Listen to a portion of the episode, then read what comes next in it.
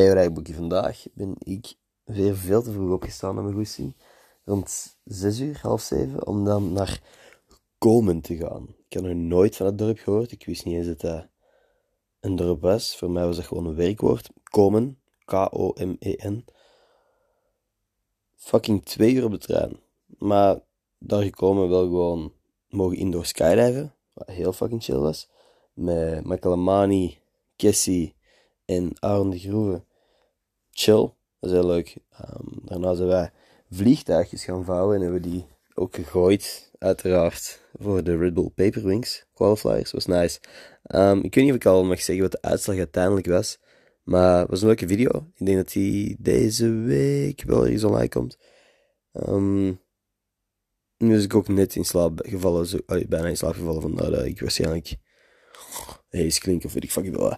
Anyway, toen ik klaar was met de opnames van de Paperwings, ben ik direct naar Kloot gegaan. Zou het lekker gaan eten. En hebben we net weer in de game state zitten chillen. Het is echt een van onze favoriete plekken geworden op korte tijd. We zijn echt naar de openingsdag gegaan hier. 14 februari. Was dat niet letterlijk op Valentijn? Of de dag na Valentijn?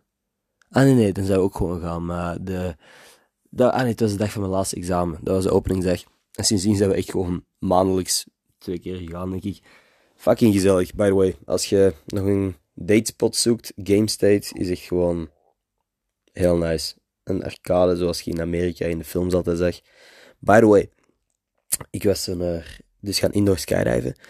En ik weet niet of iemand hiermee kan relaten, maar de, locatie was Iceberg Mountain, of weet ik veel wat.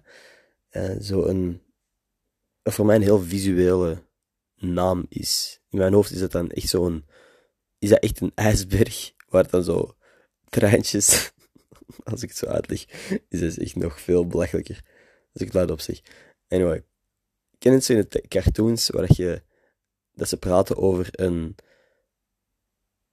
een pretpark, zoals fucking Lava Mountain of zo, en dat je dan echt de attracties rondom die berg ziet.